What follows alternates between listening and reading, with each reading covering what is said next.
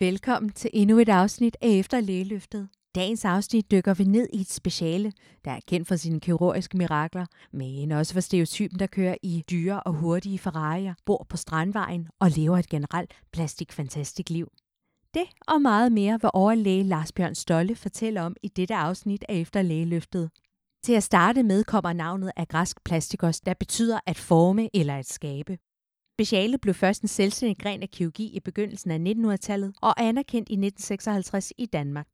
I dag findes der otte plastikkirurgiske afdelinger henholdsvis på Rigshospitalet, Herlev, Roskilde, Aarhus, Odense Vejle, Sydvestjysk, det vil sige Esbjerg, Grænsted og Åben Rå, og til sidst Aalborg Sygehus.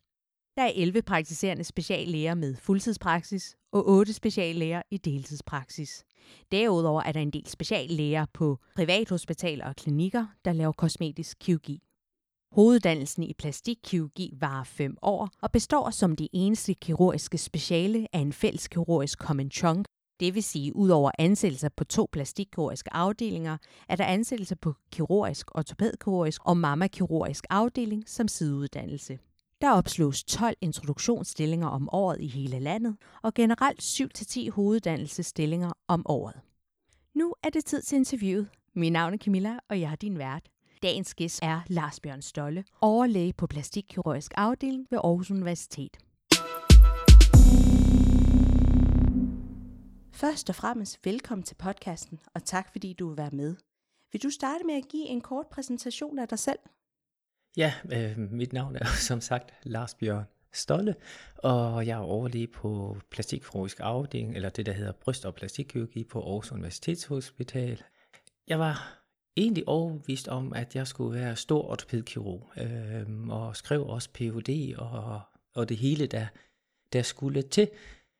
Men på et tidspunkt i øh, mit forløb, så dykkede jeg meget ned i sarkomkirurgien, og ja, når jeg så var med de store ortopædkirurger, og de lavede deres store øh, sår og skader på patienterne, eller ikke skader, det øh, behandlingsmæssige sår, så når der endelig skulle rekonstrueres, så blev plastikkirurgerne altid tilkaldt. Øhm, og det fangede altså min opmærksomhed, øhm, og jeg mødte de rette overlæger, der så sørgede for, at, at jeg kom på de rette hylder, og, og min karriere gik den rette vej. Mm.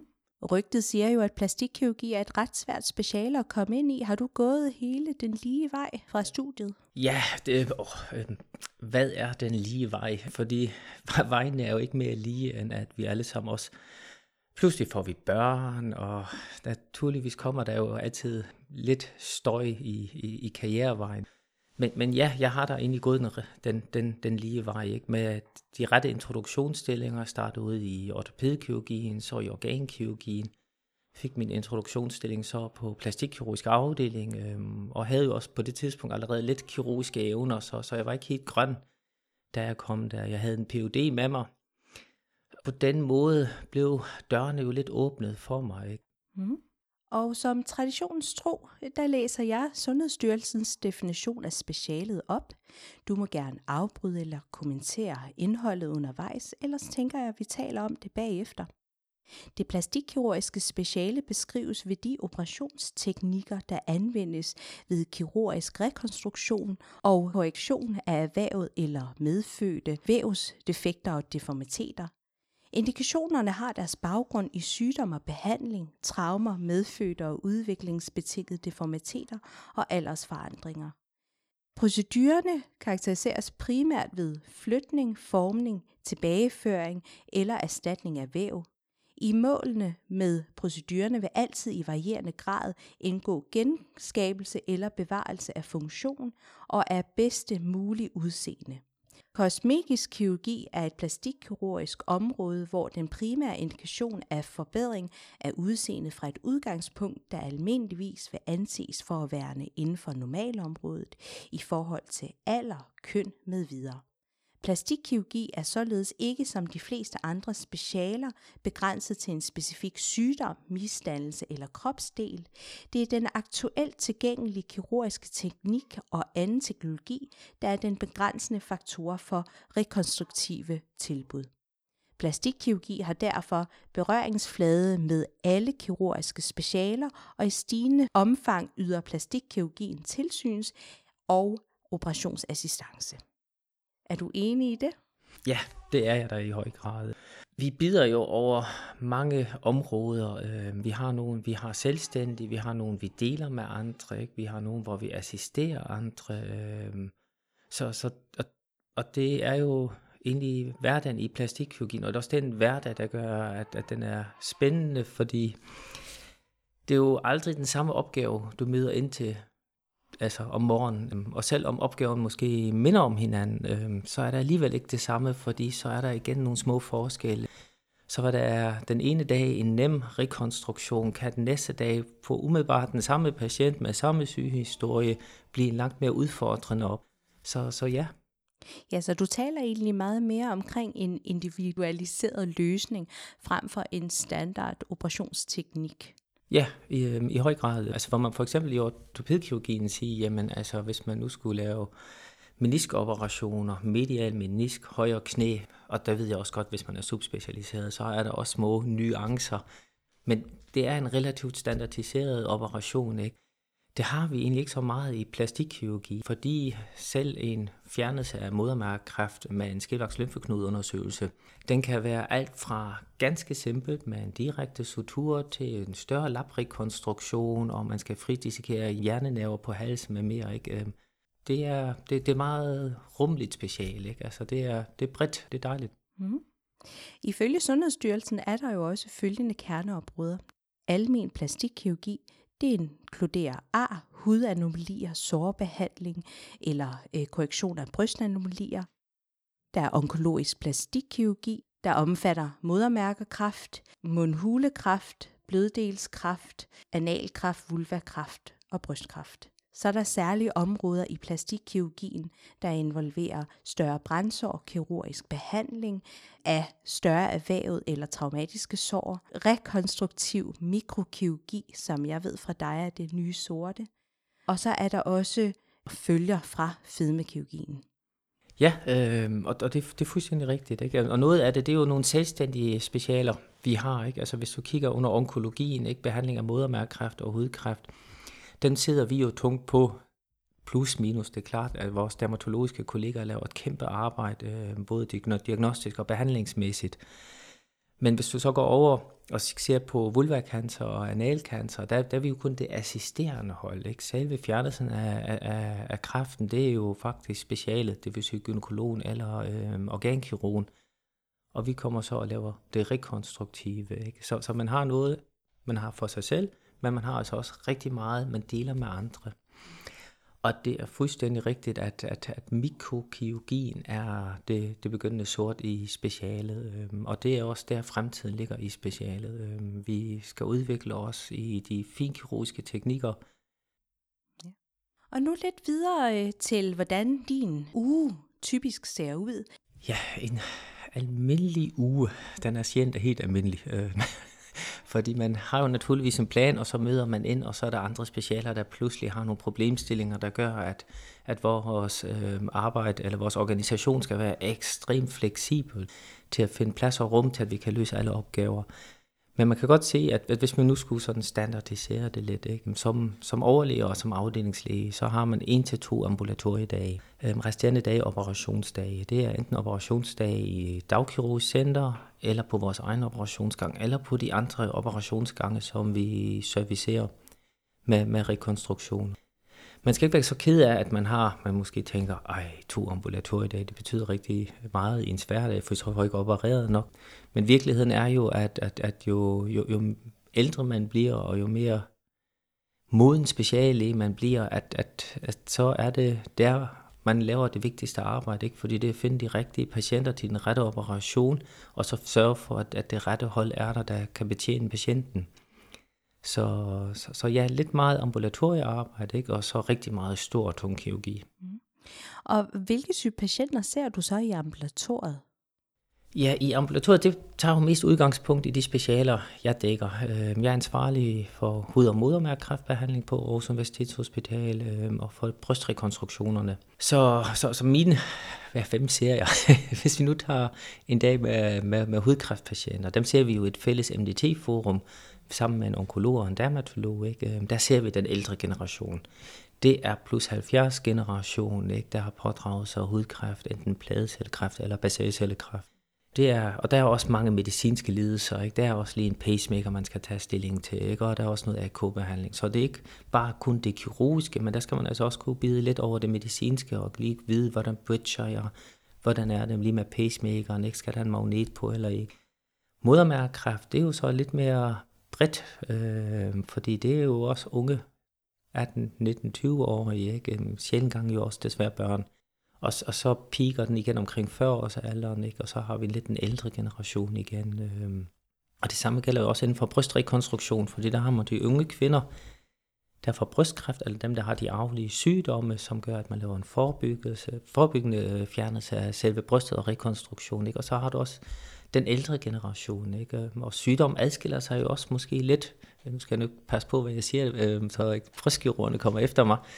Men det er jo lidt en anden sygdom, når man er ung, end når man er ældre. Ikke? Øhm, og der er mange betragtninger, der kommer ind, og, og, og især de her samtaler med patienterne, de er, de, de er jo lidt længere, ikke? fordi du har en patient, der et skal forholde sig til, at man har fået kræft, man skal have fået fjernet for eksempel sit bryst, man skal måske have stråler og kemo og alt, hvad der venter. Ikke? Og samtidig skal man måske endda tage stilling til, øh, hvordan skal jeg så rekonstrueres. Ikke? Øh, så i al den krise, man, man er i, så skal vi prøve at formidle og, og, og klargøre, hvad, hvad er det egentlig, vi har planer med dig.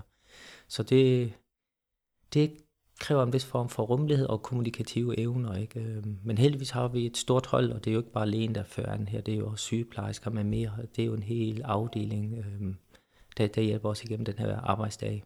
Mm. Det lyder rigtig spændende, men når du nævner de her patienter øh, med alle mulige komobiliteter, er det så også dem, man ser indlagt? Ja, hvem har vi egentlig indlagt? Vi har jo indlagte patienter også på andre afdelinger, hvis vi lige starter, fordi vi har jo så meget en udadgående funktion, ikke? betjener en organkirurgisk afdeling, betjener en gynækologisk afdeling, betjener en øre og halsafdeling, med, især også med øh, mikrokirurgi og i høj grad jo også ortopædkirurgisk afdeling, ikke? med sarkompatienterne og også de større traumer, der kræver også mikrokirurgisk rekonstruktion. Ikke? Øhm, så mange af vores patienter ligger som oftest på andre afdelinger og bliver serviceret ind i der de stamlæger, der er i de afdelinger. Øhm, naturligvis efter konference med os. Ikke? Hvis du kigger ind i vores egen sengeafdeling, den har vi på Aarhus Universitetshospital jo over en årrække reduceret lidt i antallet af senge og og det er jo også fordi, øh, musikken er jo også blevet lidt en anden. Øh, vi tilstræber jo, at vi designer et behandlingsforløb som en slags sammedagsbehandling. Det vil sige, at de fleste patienter kommer for enten en lokalbedøvelse eller en fuldbedøvelse, ikke? og går hjem efterfølgende igen, og, og primærsektoren tager over.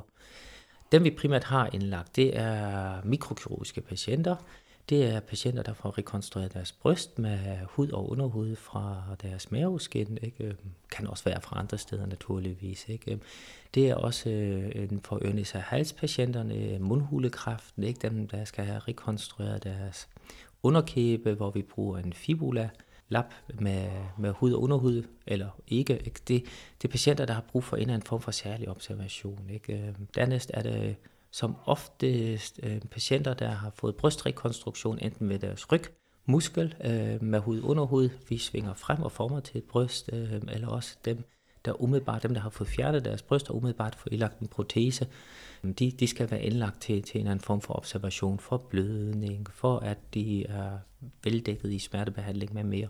En sjældent gang har vi naturligvis også, eller en sjældent gang har vi naturligvis også godt den, den ældre medborger, ikke, øhm, som vi naturligvis efter en rekonstruktion for hudkræft eller lignende ikke bare lige kan sende hjem, fordi nogle gange kan det også være lidt udfordrende. For eksempel når man har haft kræft på næsen, og vi rekonstruerer med panden, så flytter man jo panden ned mod næsen, og der ligner man jo ikke lige et menneske, der kan sådan begå sig i de sociale sammenhæng. Ikke? Øhm, den, den patient skal naturligvis også være indlagt ind til det sociale netværk, man mere er robust nok til at tage imod, øh, og, og det kan virke derhjemme. Øh, ja. ja. Øhm, du nævnte lidt tidligere, øhm, at Aarhus har en helt anden øh, opbygning med stuegang i forhold til de mere decentraliserede sygehuse. Kan du prøve at, at, at komme lidt nærmere ind på det? Nå, jeg tror egentlig mere, øh, det er egentlig ikke så meget den decentralisering, der er. Øh, det er mere udtryk for, at, at, at Aarhus Universitetshospital har jo haft sine udfordringer, og det har jo været synlige i pressen. Øh, og det har gjort, at, at vi skal tænke lidt anderledes, øh, tænke lidt mere smart, lidt mere moderne, bryde lidt op med det, vi egentlig altid siger sådan, jamen man plejer jo at være indlagt i syv eller 10 dage, ikke? Øhm, og vi stiller spørgsmålstegn ved det, og man siger, jamen skal man det? Og er det altid nødvendigt, at det er primært en læge, der skal gå stuegang? Ikke? Øhm, meget af, af arbejdet kan jo sagtens gøres ved, ved en sygeplejerske, der har en, laver en fin sundhedsfaglig ydelse. Så vi, vi prøver virkelig at arbejde og tænke anderledes. Ikke? Vores design på nuværende tidspunkt er, at, at vi har en yngre læge afsat øh, til at gå stuegang. Øh, og den yngre læge konfererer naturligvis bagud, når der er noget. Øh, og man må også være ærligt, det er jo også sådan, at, at, at dem, der er operatører på de enkelte patienter, vi kommer lige om morgenen og kigger til vores patienter, og så sikrer os lige, at alt er i orden. Og har vi tid og rum i, i, i, i vores hverdag, så tilstræber vi det der også. Øh. Er der ellers andre funktioner, som en yngre læge kan forvente at udføre? Jamen, jeg synes jo, som yngre læge har man det øh, fantastisk på en plastikkirurgisk afdeling. Øh, modsat andre afdelinger, for eksempel en organkirurgisk afdeling, og nu skal det ikke være mudderkastning, det skal ikke misforstås, men for en organkirurgisk afdeling meget er præget i, at der er mange patienter, der skal indlægges, der er rigtig mange journaler, der skal skrives. Så tilstriber vi hos os, at, at journalerne, dem skriver vi hvis muligt i den første kontakt, så oftest er det selv speciallægen, der har skrevet journalen i ambulatoriet. Vi tager jo ikke så mange akutte patienter ind. Det her, det er jo planlagte forløb, nøje planlagt, hvornår de skal på lejet, hvilke hold, der skal stå til rådighed. Ikke? Øhm, så på den måde er den yngre læge ikke så meget journalslave i vores speciale. Ikke? Man kan meget hurtigt komme til, øh, til at lave lidt minikirurgi, øh, eller kirurgi af minor. På den måde, at, at vi jo har jo rigtig, rigtig mange ældre medborgere med øh, hudkræft. Øh, 15.000 mennesker i Danmark får jo hudkræft i løbet af et år. Nye tilfælde. Så når man skal buffre dem, så har vi jo rigtig mange stuer kørende, hvor, hvor den yngre læge ikke har en 6, 8, 10 operationer i løbet af en dag hvor de laver mindre kirurgi og kan blive dygtige til at ja, til det håndværk, det er. Ikke? Altså, hvordan holder jeg på min kniv? Hvordan skal jeg sy for at få det bedst mulige resultat? Øh, det er så det praktiske i det, ikke? men naturligvis er de yngre læger også med på, på de store operationsgange, til de store operationer. Ikke? Vi har også egentlig på, på alle universitetshospitaler et, et godt forskningsmiljø, det er jo kun blevet yderligere styrket nu her i København, hvor på Herlev sygehus øh, Lisbeth Hølmik blev udråbt ny professor. Vi har også en professor i Odense, og, og det gør jo, at, at, at, at den yngre læge ikke bare er på arbejde hele tiden, ikke? men man kan faktisk også deltage i studiegrupper, i forskningsgrupper. Ikke? Der er også et meget stort socialt liv omkring de yngre læger. Ikke? De har jo de der yngre danske plastikkirurger, sådan et lille selskab, som også laver øh, sociale arrangementer og holder foredrag og lignende. Øh. Så jeg synes egentlig, at, at, at der, der, der er et fint netværk, øh, og kan kun anbefale folk at søge ind. Hvordan ser den typiske patientgruppe ud? Ja, det meste af det, vi laver, er jo, er jo elektivt. Ikke? Det er jo kræftpatienter, der kommer. Ikke? Og hvis, hvis du kigger på hudkræft, jamen så er det plus 70. Der er naturligvis også yngre, der får det. Ikke? Men det er plus 70 generation med alle de medicinske lidelser, de jo kommer. Ikke? Ofte kan det jo også være nogen, der er nyretransplanteret eller transplanteret af anden art har fået immunsuppression gennem mange år. Ikke? Øhm, så, så der er jo rigtig meget medicin, også man lige skal... Og, og det er også derfor, at vi møder den i et fælles øh, forum, sammen med en dermatolog og, og en onkolog, ikke? Så, så vi virkelig kan gennemgå den her patient og vælge den rette behandling. Ikke? Øhm, mundhulecancer er jo også en befolkningsgruppe, der også har et socialt præg, ikke? Øhm, og det skal igen ikke misforstås, det er ikke fordi, jeg skal skabe fordomme her, men enten er det jo, fordi man har haft et misbrug, ikke? eller en, en stor del af patienterne er jo en del af, af den gruppe. Ikke? Øhm, en anden det stor del er jo naturligvis virusinduceret.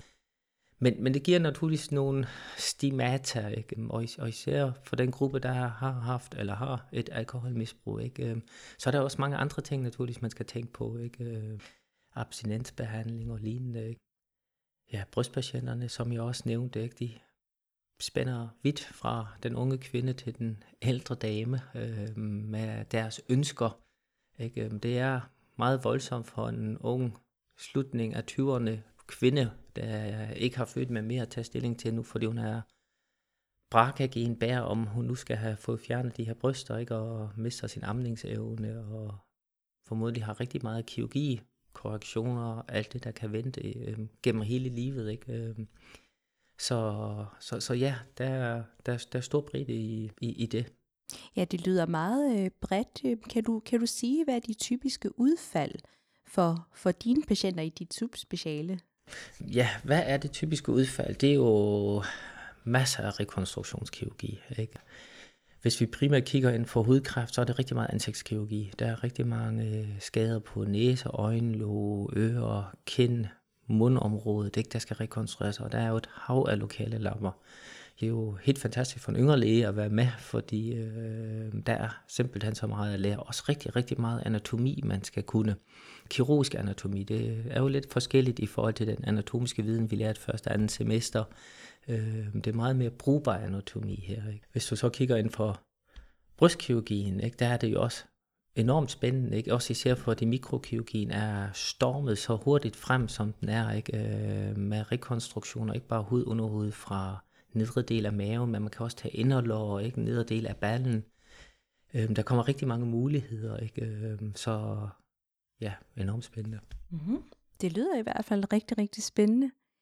Hvordan øh, varierer specialet fra de store universitetshospitaler til de lidt mindre? Der taler vi selvfølgelig om Vejle, Esbjerg, Åben Rå, øh, Roskilde og også sågar Herlev. Ja, øh, egentlig er det jo bestemt af Sundhedsstyrelsen, øh, som, som jo så, eller afdelinger søger under øh, Sundhedsstyrelsen med henblik på, hvad, hvad man egentlig ønsker at have de, de lokale steder. Men hvis vi starter sådan lidt i periferien på Sydvestjysk sygehus i Esbjerg, som jo så rummer, som du selv sagde, tre lokalisationer, der har man jo egentlig centraliseret rigtig meget af det basale plastikkirurgi, øh, og rigtig meget af MVL, eller MWL-kirurgien, altså den tidligere postbariatriske, ikke, eller korrektion efter fedmekirurgi. Og, og det er man jo blevet lokalt ekstremt dygtig til, fordi man har fået så stort et volumen, og, og er lidt et lille flagskib der, ikke? Øhm søger vi så mod Vejle, hvor jeg også selv tidligere har haft en ansættelse. Øhm, det er jo et kræftsygehus øh, med fokus på kræftbehandling. Ikke? Det er hud- og modermærkekræft og brystkræft, og der er også rigtig mange rekonstruktioner. Og, og Vejle kan kun rose. Vejle har altid været dygtig til at skabe et meget dynamisk, et meget udviklende miljø, og man har hele tiden prøvet at tænke moderne og rigt nye lapper til rekonstruktion. Især øh, en af mine kolleger, Jørgen Bo Thomsen, øhm, har lavet et rigtig fint og godt arbejde dernede. Kigger man så mod Aarhus, øh, hvad laver vi i Aarhus? Vi har jo rigtig mange landstedsfunktioner, og det er jo øh, primært også øh, i, i henhold til mange af de samarbejdspartnere, vi har. Hvis man skulle nævne et eksempel, så har vi jo landstedsfunktion for tilbagefald af sygdom, hvis når man har haft analkancer. Så der laver vi alle rekonstruktioner, hvor vi rekonstruerer bækkenbunden med hud, underhud og muskel fra, fra maven, altså det, der hedder en vramlap. Øh, vi bruger den også til vaginarekonstruktion, ikke? hvor vi servicerer også vores gynækologiske kolleger, der har landstedsfunktion der. Vi har jo landstil inden for ørnes og hals også, og laver rigtig meget mikrokirurgi. Øh. Ja, og kan jeg jo kun rose, jeg er selv ansat der. ikke? Øhm, Aalborg, er jo også et universitetshospital, ikke? og Aalborg er også en rigtig, rigtig fin udvikling. Øh, mikrokirurgien vokser i Aalborg. Den startede vel for en 3-4 år siden, da det fik en af vores kolleger fra Aarhus, Gitte Toft, og hun har bygget et, i samarbejde med hendes ledelse øh, et, et, et, et nyt, ja, man kan ikke bare sådan starte ud i mikrokirurgi og sige, nu kommer jeg. Man skal have samarbejdspartnere, ikke? Der er nogle ressourcer, der skal tilføres. Sådan et mikroskop koster vel 120.000. Så man går jo heller ikke lige ud og, og køber lige fire styk. Øh, der er noget grundarbejde, der skal gøres. Øh, og Aalborg er rigtig fint med, og i takt med, at de vokser og får flere specialer, så, så er det også et meget spændende sted at være. Det samme gælder i øvrigt også Odense. København har jo altid haft den fordel, som København har. Ikke? Der er mange læger, og der er mange mennesker, og der er mange penge. Og det gør jo også, at, at, at miljøet øh, er godt, og man har jo også været meget dygtig i København at markedsføre sig. Rigshospitalet har jo været med i, var det DR2's udsendelse, øh, hvor de var rigtig gode til at markedsføre deres hverdag. Øh, kun, kun respekt for det. Øh, og, og Rigshospitalet minder jo meget om, om, om Aarhus i det hele taget. Øh, man skal altid dog huske, at brændsår, hvis man nu siger, at jeg skal være en stor brændsårslæge, ikke? det er centraliseret. Det er i Odense, og det er på Rigshospitalet. De store brændsår i Rigs, på Rigshospitalet, og de mellemstore og små tager Odense også. Ikke? Så ja. Der ja. er mange lokalisationer, meget godt arbejde øh, og rigtig gode miljøer alle vegne. Det er dejligt at høre. Hvad finder du så mest spændende ved dit speciale, udover at det er så divers og en bred patientgruppe? Jeg synes, at altså jeg vil aldrig fortyde det her valg, fordi jeg står op hver morgen, og jeg, kan, jeg har en idé om, hvad der venter mig. Og alligevel, så kan dagen ende i noget helt andet. Og, og selv den simple operation, hvor jeg egentlig bare havde en plan om, at det skulle bare køre lige efter tangenten, som den plejer, den kan ende i noget, der er langt mere udfordrende. Øh, ja, så hvis man skulle sige det lidt populistisk, jeg synes egentlig, det er sådan lidt at lege med Lego hver eneste dag. Ikke? Altså, du laver et nyt produkt hver eneste dag, og det skal ikke igen misforstås. Patienten er ikke noget Lego, og man leger ikke med en patient, for guds skyld ikke. Øhm, det er dybt alvor, det her. Ikke? Øhm, men det er den kreativitet ikke? Øhm, og, og din faglige viden, som du helt hurtigt kan projicere over i patientens problemstilling, og så løser du det lige på stedet. Ikke? Og man skal også have en vis form for faglighed, fordi hvis en organkirurgisk afdeling eller en gynækologisk afdeling ringer til dig og siger, der er et kæmpe hul i skeden af kvinden, ikke? det kan ikke bare lige syge sammen, så kræver det altså lige lidt kendskab, hvordan kan jeg rekonstruere det her. Ikke? Øhm, så, så, så det, det er dejligt, men man skal være skarp. Øhm. Mm. Hvad er så det, der er mindre spændende ved, ved dine daglige arbejdsopgaver? Ja, men sådan er det jo. Jo ældre vi bliver, og det gør vi alle sammen, så er der ikke nogen, der gemmer sig her, øh, så får man naturligvis også lidt mere organisatorisk forpligtelse. Ikke? Øh, og det kan godt være, at man brænder for noget for patienten, og man brænder for uddannelsen, og man brænder for det projekt, man har, men, men nogle gange bliver man altså bare nødt til at holde, forholde sig til virkeligheden. Og det kan godt være, at der ikke lige er de ressourcer og den opsætning, man optimalt havde ønsket sig. Ikke? Øh, og, og det er jo lige tidens ånd for tiden, ikke? at vi skal hele tiden finde løsninger på et begrænset budget. Ikke? Øhm, og til trods for skal det hele tiden være løsninger, som ikke gør, at kvaliteten af den behandling, den, den daler.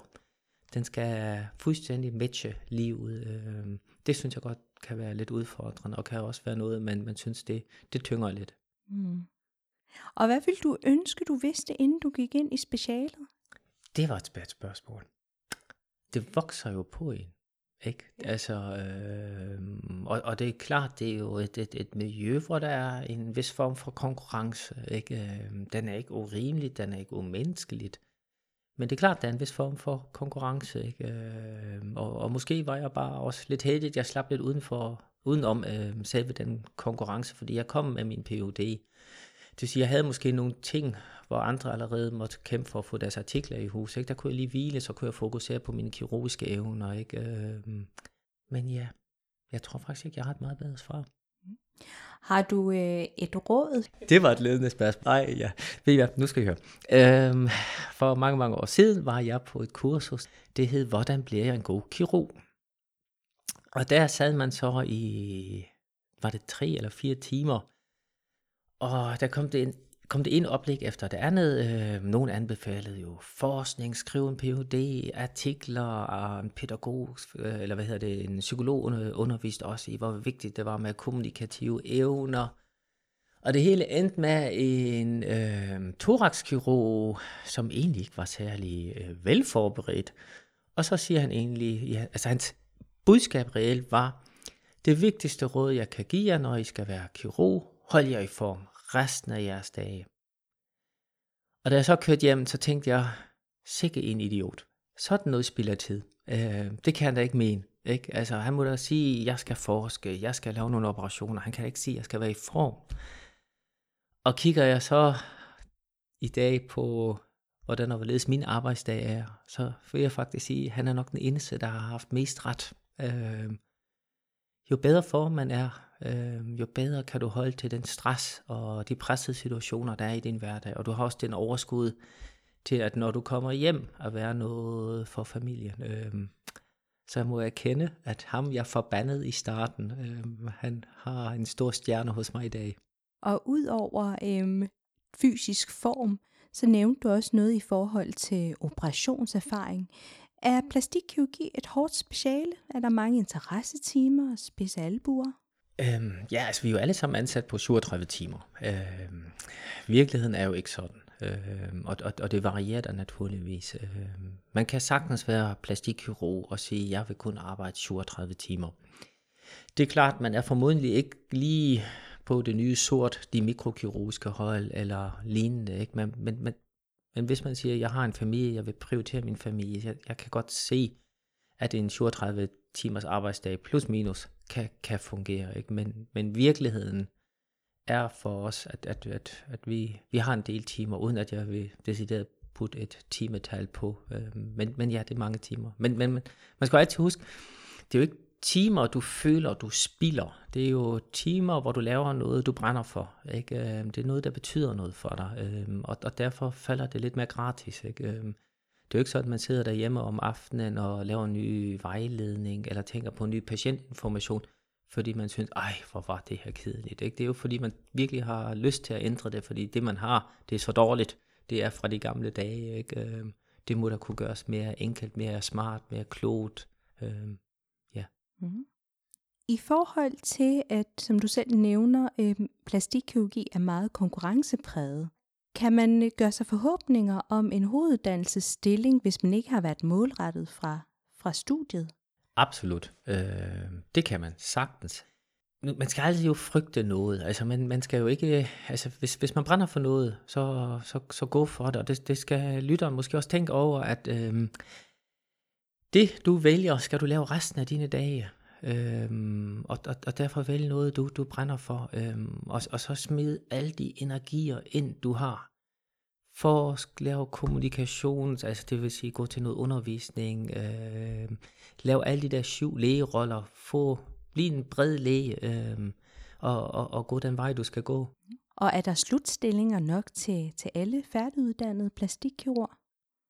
Ja, det er der på nuværende tidspunkt. Øh, vi har jo en privat sektor, der tager rigtig mange af, af vores unge kollegaer, øh, og det skyldes jo naturligvis, at, at, at plastikkirurgi er jo, eller kosmetisk kirurgi er jo blevet meget hypet. Øh, der er rigtig mange tv-udsendelser, ikke? Man kan jo blive berømt, man kan rejse med de smarte. Øh, der er rigtig mange penge øh, på lidt arbejdstid, måske endda for nogen, øh, hvis man er særdeles dygtigt. Øh.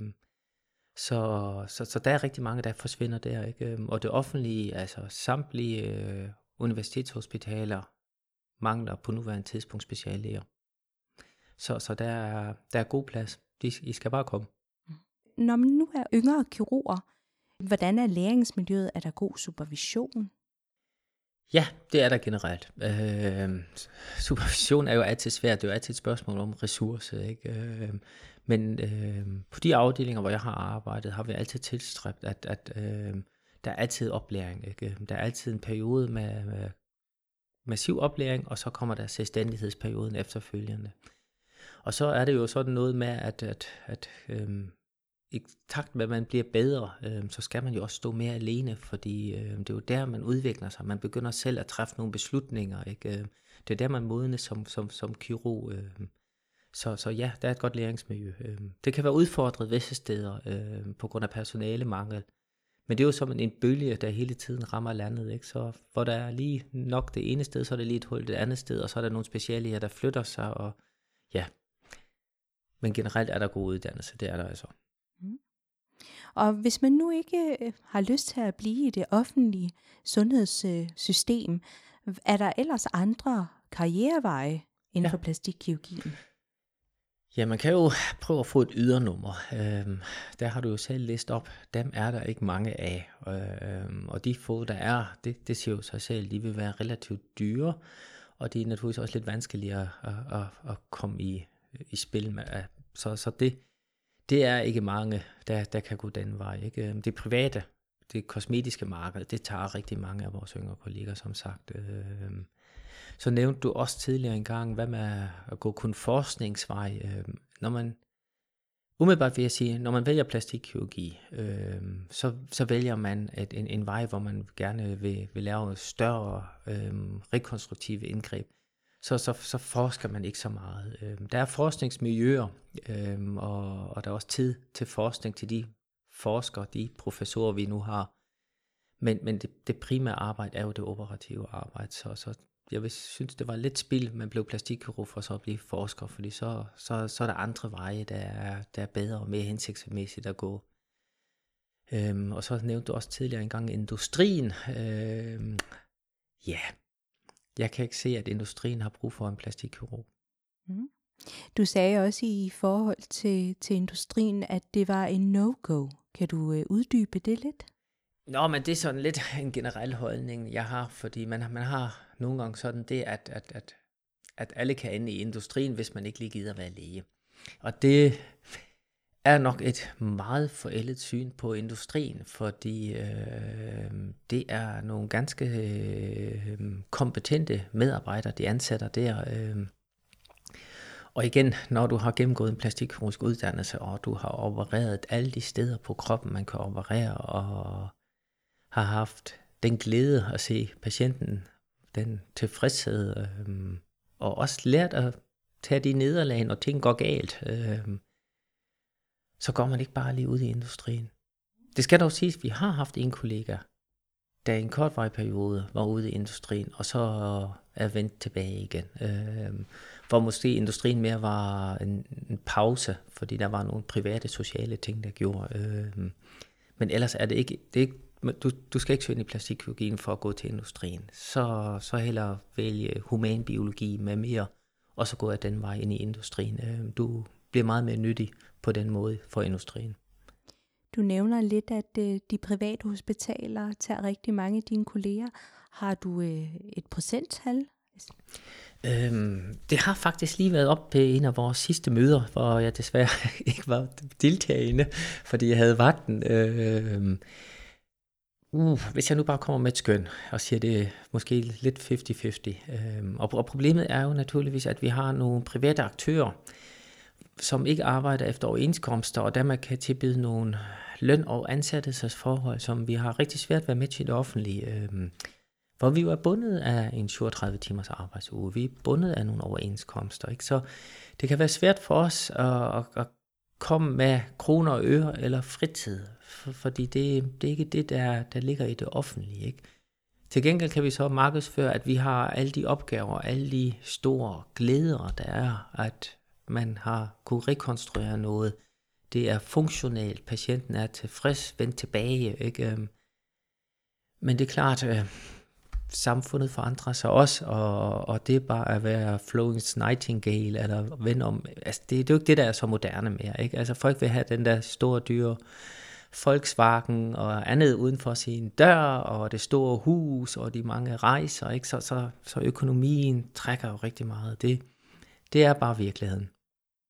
Kan du nogenlunde sige, hvad økonomisk set, hvad er forskellen mellem den offentlige ansatte og privathospitalet til vores lyttere, der kunne være interesseret i at høre? Det, det er så en grov forenkling, men man kan måske godt sige, at, at hvis du er dygtig, øh, vi tager det som forudsætning, ikke? så på, på en halv arbejdsuge tjener du dobbelt så meget som en overlæge i det offentlige.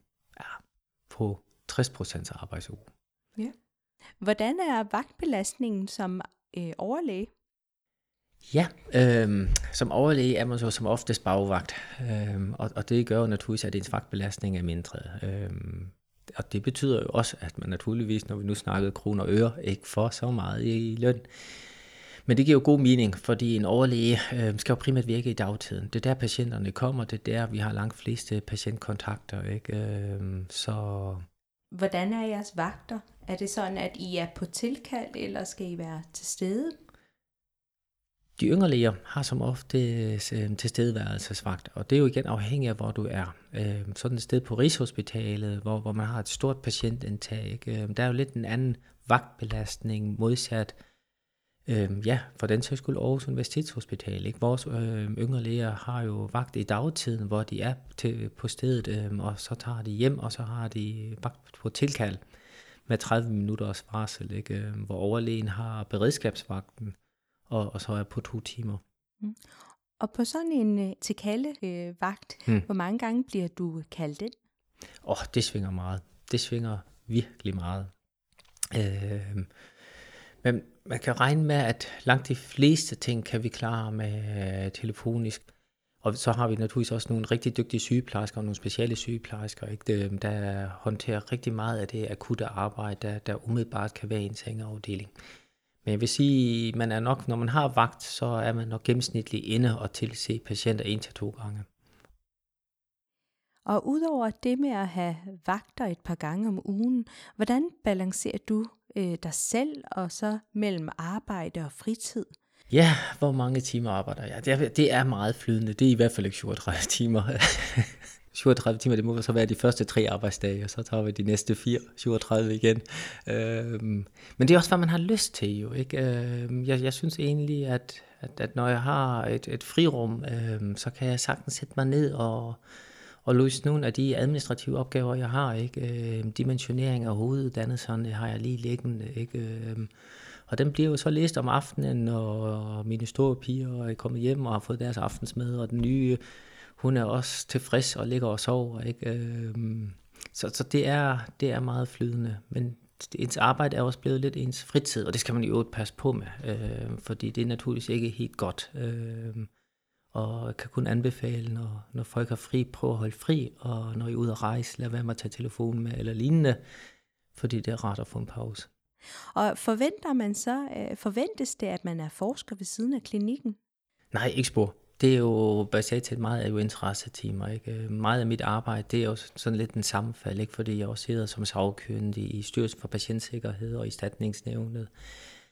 Ja, jeg har mange poster. Øhm, og det gør jo, og der er jo nogle gange sådan lidt et sammenflet af, af arbejdsfunktioner, ikke? Fordi det, jeg kan, det, nogle er det jo noget, jeg laver for, øhm, ikke lige for Aarhus Universitetshospital, men det jeg laver, kan jeg jo godt se, det er faktisk noget, jeg i min stamafdeling kunne have stor glæde af. Ikke? Og så prøver jeg naturligvis at projicere det over og, og, og ændre mine egne protokoller med mere, så, så vi har den sikkerhed. Ikke? Øhm, så, så man, man, man kan ikke bare beskylde, at det er Aarhus, der er skyld i ens øh, høje arbejdstal. Ikke? Det er jo alle de andre ting også ved siden af. Men det hele fletter jo sammen. Det er et stort produkt i, i sidste ende. Og du har jo et meget imponerende øh, CV. Er det noget, I lægger vægt på, de syv lægeroller? Og i så fald er der et af rollerne, I lægger mere vægt på? Øhm, det er jo ikke sort-hvid. Øhm, bare fordi du har en PhD, er du ikke sikker, at du får en introduktionsstilling, eller du får en øh, hoveduddannelse. Jeg tror egentlig meget, ansættelsesudvalget er jo de ledende overlæger, der sidder der. Øh, jeg tror egentlig meget, at man kigger på helhedsbilledet. Ikke? Man kigger virkelig på de syv lægeroller. Er det her et helt og kompetent menneske, øh, der, der, der vil opfylde de krav, der nu er? Og så er det da naturligvis klart, at der er visse ting, der er bedre at have end andre. Ikke? Og, og det er klart, at hvis man har en phd grad det er, jo, det er jo fint. Det åbner rigtig mange døre. Men hvis du kigger på mængden af speciallæger, eller dem, der kommer ind i hoveduddannelse, øh, hvor mange af dem, der har en PhD, det er forbavsende få. Det er. Og der er også rigtig mange, der måske kommer igennem bare med en-to artikler. Så, så det er ikke fordi, man nu skal sætte sig ned, og man forbander og svogler, og man gad aldrig skrive den PhD, fordi så lad være. Så sats på de andre roller og skriv bare en eller to artikler. Ikke? Øh, altså, have dit hjerte med i det, du vælger. Øh, og er der ellers øh, andet i vægt og højde i forbindelse sådan noget som sidefag? Ja, øh, Ørenes og hals speciale har vi jo tæt samarbejde med, øh, og jeg synes også mange af dem, vi har i hoveduddannelse, har været på en Ørenes og hals afdeling. Så, så det er jo det er en god samarbejdspartner til hoveduddannelse til plastikkirurgi, ikke? Øhm, ortopædkirurgi jo også på, på, på samme måde, ikke? Øhm, alle de kirurgiske specialer, ikke? Øhm, så har vi de lidt perifere ikke-kirurgiske specialer, ikke? altså dermatologien og onkologien, ikke? som jo også er en god sideuddannelse af anestesibaseret set også. Ikke? Men det er klart, det her det er jo et håndværk. Det er ikke et, det er jo ikke et medicinsk special. Ikke? Vi skal ikke være gode til at finde sjældne sygdomme. Vi skal være gode til at bruge vores hænder, vores anatomi, og så kan kombinere det til det bedst mulige resultat. Så alt, hvad der træner dine hænder af kirurgiske specialer, kan jeg kun anbefale. Mm. Hvilke udfordringer står dit speciale over for, øhm, og hvor ser du plastikkirurgi om 20 år? Ja, den største udfordring lige nu er jo nok, at vi har kampen med det private og det offentlige. Ikke? Øhm, hvad kan vi gøre for, at det offentlige bliver mere attraktivt, og, og vi kan holde på nogle af vores specialer? Og det er jo et super svært emne, ikke? fordi som jeg sagde, penge og frihed er noget, vi vægter ekstremt højt i det her samfund. Øhm, og hvad var det sidste, du spurgte? Nu glemte jeg det. Hvor ser du øh, specialet øh, om 20 år? Ja, åh oh ja, super spændende spørgsmål. Jeg tror, der venter hele det medicinske område en fantastisk udvikling. Øhm, jeg tror, om 20 år har vi øhm, 3D-printer med aktiv væv. Så vi printer patientens væv og med til- og fraførende kar, og så laver vi mikrokirurgi på den. Det vil sige, det du får fjernet, det har vi printet, og så har vi en vævsblok klar, der bliver sat ind i dig. Og så tænker man, det er da helt utopisk. Det kan da aldrig lade sig gøre. Øh, jeg mener faktisk, det amerikanske forsvar er i stand allerede til at lave ører på rotter og mus øh, i nogle modeller. Øh, så springet er ikke så langt mere, øh, og hele vores verden kommer til at forandre sig. Ikke? Øh, lægekontakten vil ikke være længere den lægekontakt, man umiddelbart havde. Øh, det kan godt være, at fremover er en forundersøgelse derhjemme via iPad med en eller anden pseudo-figur, der, der sørger for, at man får de rette informationer. Men ja, 3D-printer, eget væv. Det, det lyder meget spændende. Fremtidens medicin. Og nu er vi næsten ved at være ved vejs ende. Er der andre generelle råd til, øh, til vores yngre øh, lyttere, der, der gerne øh, vil af plastikkirurgiens vej? Ja, uff jeg synes bare, at, at folk skal lytte til deres hjerte og, og lave det, de brænder for. Fordi så er alle interessetimer og alt, det suger ikke så surt længere. Øh, og ja, det er da hårdt at, at skulle samle artikler sammen og komme på de rette kurser inden for pædagogik og få sin rigtige medicinske uddannelse. Ikke? Øhm, jeg har fået forståelse for, at man er også et sted i sit liv, hvor man får familie med mere, som jo også tager ekstremt meget af ens tid. Og det er der, man skal lægge sin tid i øvrigt. Ikke? Øhm, men ja, følg nu bare i hjertet. Det skal nok gå. Og med de ord siger jeg tak til dig, Lars Bjørn Stolle, for at vi måtte øh, interviewe dig. Jeg nævnte jo tidligere, at plastikkirurger, de plejer at køre i dyre biler. Må jeg høre, hvad du kører i? Det synes jeg er et mega tavligt spørgsmål, fordi du ved det godt. Jeg kører en lille Kia, og det skal I ikke, altså det, den skal I ikke købe. Det.